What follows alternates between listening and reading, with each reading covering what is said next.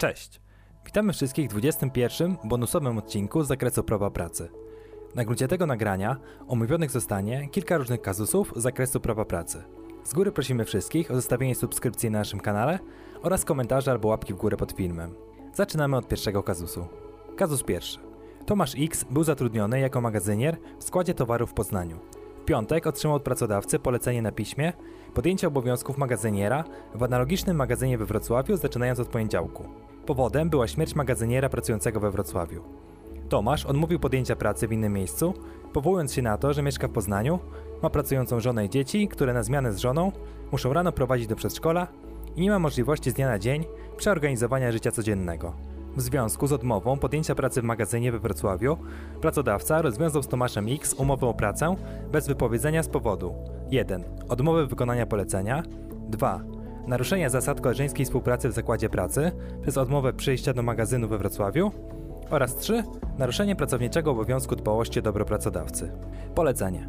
Czy Tomasz X naruszył jakieś obowiązki pracownicze? Jeśli tak, to jakie? Czy podane w piśmie zwalniającym przyczyny rozwiązania umowy o pracę bez wypowiedzenia spełniały wymagania z artykułu 52 Kodeksu Pracy? I przechodzimy do odpowiedzi. Na początku trzeba rozważyć, czy pracownik naruszył obowiązek wykonania polecenia pracodawcy. Trzeba pamiętać, że pracownik jest zobowiązany wykonywać polecenia, które są zgodne z treścią jego obowiązków wynikających z umowy o pracę. Według bowiem artykułu 100, paragraf 1 Kodeksu Pracy, pracownik jest obowiązany wykonywać pracę sumiennie i starannie oraz stosować się do poleceń przełożonych, które dotyczą pracy, jeżeli nie są one sprzeczne z przepisami prawa lub umową o pracę. Chodzi tutaj o obowiązki związane z zajmowanym przez niego stanowiskiem pracy. Jeśli zatrudniony był on w magazynie w Poznaniu i umowa o pracę dotyczyła wykonywania pracy w magazynie w Poznaniu, czyli miejscu wykonywania pracy, to trudno mówić, ażeby pracownik naruszył w tym przypadku obowiązek wykonywania poleceń pracodawcy. Dlatego też pracownik może odmówić wykonywania pracy innej niż ustalona w umowie o pracę i odmówić stałego wykonywania pracy w magazynie w innym mieście. Trzeba także wskazać, że kodeks pracy nie definiuje obowiązku koleżeńskiej współpracy, zatem pracownik nie naruszył także tego obowiązku. Poza tym, według artykułu 100, paragraf 2, punkt 4 kodeksu pracy, pracownik jest obowiązany w szczególności dbać o dobro zakładu pracy, chronić jego mienie oraz zachować w tajemnicy informacje, których ujawnienie mogłoby narazić pracodawcę na szkodę. Trzeba jednak pamiętać, iż przekroczenie przez pracodawcę granic podporządkowania sprawia, że pracownik nie jest związany wydanym poleceniem. Niewykonanie takiego polecenia nie może być uznane za naruszenie obowiązków pracowniczych rodzących określone konsekwencje prawne. Wobec tego, w mojej ocenie, podane w piśmie zwalniającym przyczyny rozwiązania umowy o pracę bez wypowiedzenia nie spełniają wymogów zawartych w artykule 52 Kodeksu Pracy. Ok, czas na kazus numer 2. Pracodawca, mając zamiar wymierzenia pracownikowi kary porządkowej, dwukrotnie proponował spotkanie celem wysłuchania pracownika. Pracownik odmówił. Pracodawca nałożył na pracownika karę ostatecznie bez wysłuchania go. Polecenie. Czy nałożenie kary porządkowej nastąpiło we właściwym trybie? Odpowiedź. W tym zakresie trzeba wskazać na artykuł 109 paragraf 2 Kodeksu Pracy, według którego kara porządkowa może być stosowana tylko po uprzednim wysłuchaniu pracownika, który ma prawo do przedstawienia swoich racji. Wysłuchanie leży także w interesie pracodawcy, który powinien wszechstronnie ocenić i rozważyć sytuację, zanim podejmie decyzję o ukaraniu czy odstąpieniu od zastosowania kary porządkowej. Wobec tego pracodawca powinien stworzyć warunki konieczne do wysłuchania pracownika. Wysłuchanie pracownika powinno nastąpić w formie ustnej, ale możliwe jest także złożenie przez pracownika odpowiednich wyjaśnień na piśmie. Możliwa jest także sytuacja, w której pracownik w ogóle nie skorzysta ze swojego prawa do złożenia wyjaśnień. Wobec tego w tym kazusie dobrowolna rezygnacja pracownika ze złożenia wyjaśnień nie naruszyła przewidzianego przepisami prawa trybu nałożenia kary porządkowej. Kolejne kazusy będą już nieco krótsze. Kazus trzeci. Jan Nowakowski pracował w przedsiębiorstwie XYZ jako magazynier na umowę o pracę na okres próbny wynoszący 3 miesiące. Po upływie tego okresu pracodawca przedstawił mu ofertę zawarcia kolejnej umowy o pracę na okres 3 miesięcy, jednakże na stanowisku menadżera w firmie. Polecenie. Oceń, czy zawarcie kolejnej umowy o pracę na czas próbny jest możliwe. Odpowiedź. Co do zasady, zgodnie z artykułem 25 paragraf 2 Kodeksu Pracy, umowę o pracę na czas próbny, nie przekraczający 3 miesięcy, zawiera się w celu sprawdzenia kwalifikacji pracownika i możliwości jego zatrudnienia w celu wykonywania określonego rodzaju pracy. Zasadą jest także, że zawarcie umowy o pracę na czas próbny dopuszczalne jest tylko jednorazowo. Jednakże ponowne zawarcie umowy o pracę na okres próbny z tym samym pracownikiem jest możliwe także, jeżeli pracownik ma być zatrudniony w celu wykonywania innego rodzaju pracy. W tym kazusie Jan Nowakowski na początku zatrudniony był na umowie o pracę na czas próbny na stanowisko magazyniera. Kolejna umowa o pracę na czas próbny miałaby zostać z nim zawarta natomiast na stanowisko menadżera w firmie. Zatem jest to inny rodzaj pracy, inne stanowisko, charakteryzujące się innymi obowiązkami pracownika Zatem zawarcie kolejnej umowy o pracę na czas próbny jest w tym przypadku możliwe. Pora na kazus numer 4, związany z zatrudnieniem w szkole. Andrzej W. był dyrektorem gimnazjum w Obrzychu. Dodatek funkcyjny dla Andrzeja W. jako dyrektora gimnazjum ustalał prezydent miasta Wałbrzych. Według dyrektora wspomniany dodatek w 2020 roku został dla niego zaniżony i chciałby wnieść sprawę na drogę sądową, aby został on podwyższony. Polecenie.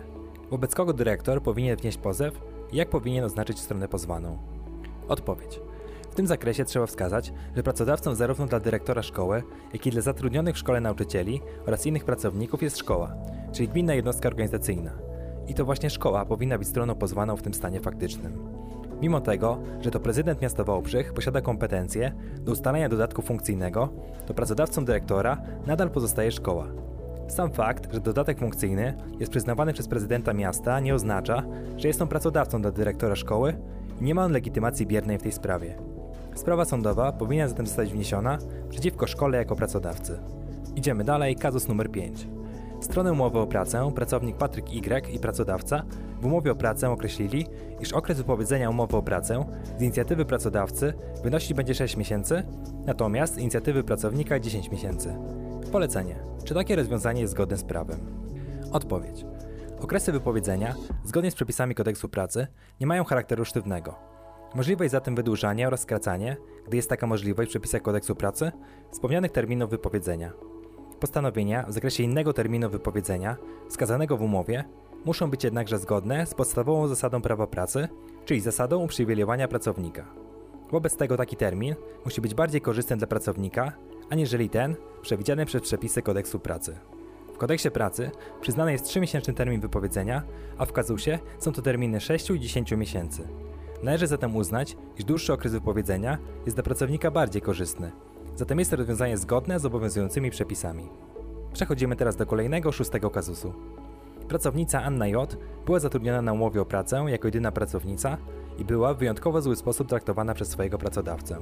Wielokrotnie była bowiem przez niego poniżana, wyśmiewana, zastraszana i kiedy dochodziło prawie do rękoczynów. Doprowadziło to do jej problemów psychicznych oraz myśli samobójczych. Polecenie. Czy w tym przypadku można mówić o mobbingu? Jeśli tak, to jakie roszczenia przysługują Annie J z tego tytułu? Mobbing oznacza działania lub zachowania dotyczące pracownika lub skierowane przeciwko pracownikowi, polegające na uporczywym i długotrwałym nękaniu lub zastraszaniu pracownika, wywołujące u niego zaniżoną ocenę przydatności zawodowej, powodujące lub mające na celu poniżenie lub ośmieszenie pracownika, izolowanie go lub wyeliminowanie zespołu współpracowników. W tym przypadku dochodziło do takich sytuacji, które spełniają przesłanki mobbingu. Pracodawca ma obowiązek przeciwdziałać mobbingowi, a jeśli sam go stosuje, to pracownik ma wobec niego odpowiednie roszczenia. Pracownik, który doznał mobbingu lub wskutek mobbingu rozwiązał umowę o pracę, ma prawo dochodzić od pracodawcy odszkodowania w wysokości nie niższej niż minimalne wynagrodzenie za pracę ustalane na podstawie odrębnych przepisów. Natomiast pracownik, u którego mobbing wywołał rozstrój zdrowia, może dodatkowo dochodzić od pracodawcy odpowiedniej sumy tytułem zadośćuczynienia pieniężnego za doznaną krzywdę. Przesłanki mobbingu muszą być jednak spełnione łącznie i ciężar dowodu spoczywa w tym przypadku nie na pracodawcy, lecz na pracowniku. Musi on to udowodnić. Ok, treść kazusu numer 7 prezentuje się w ten sposób.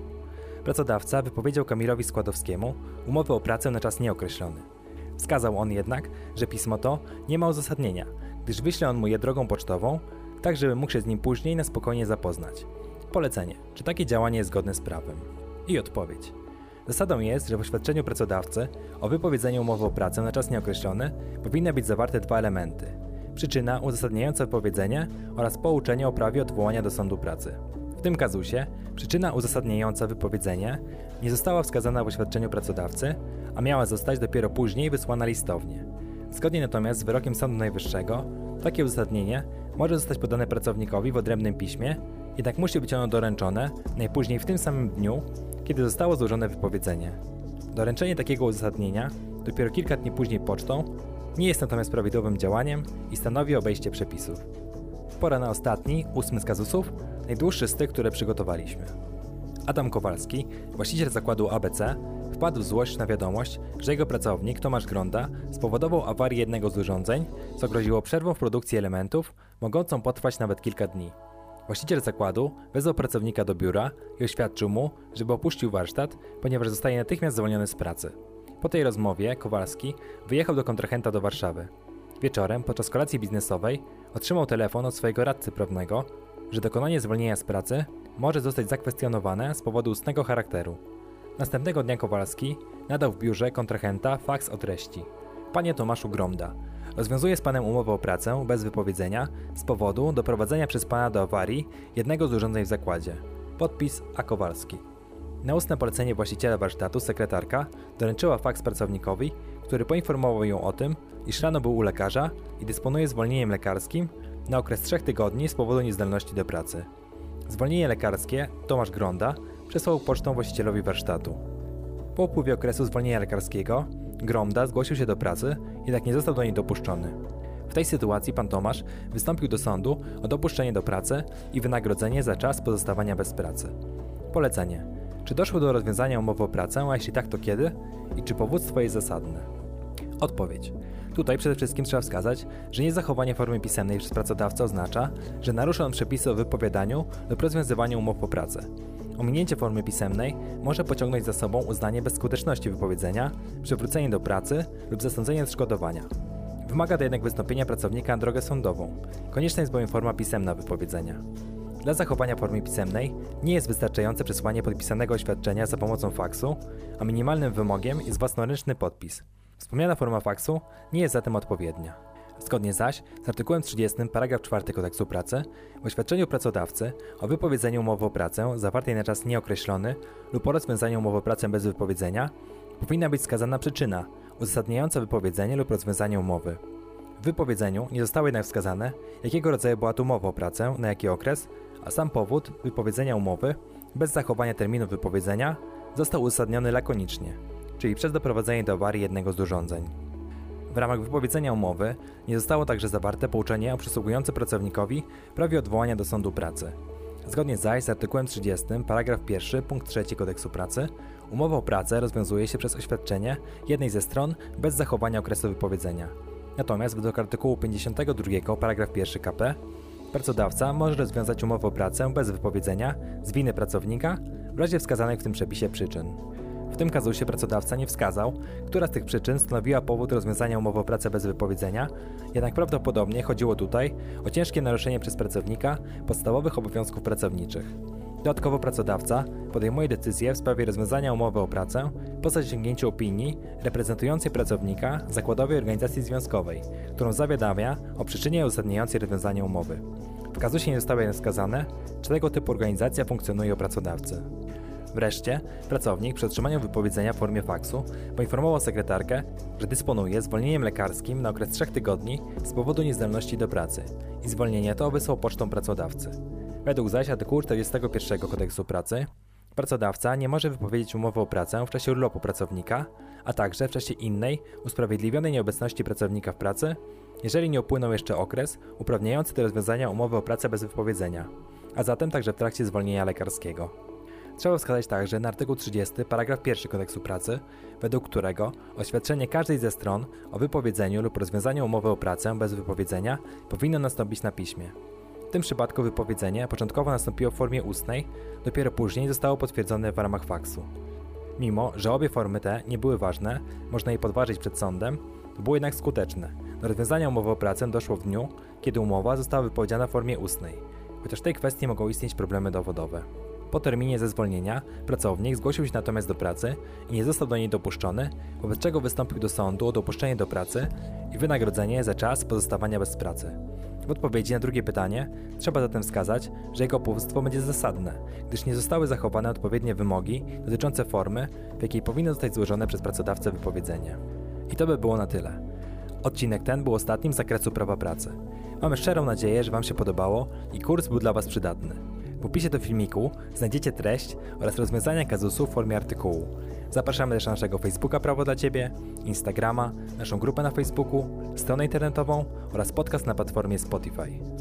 Wszystkie linki zamieszczamy w opisie.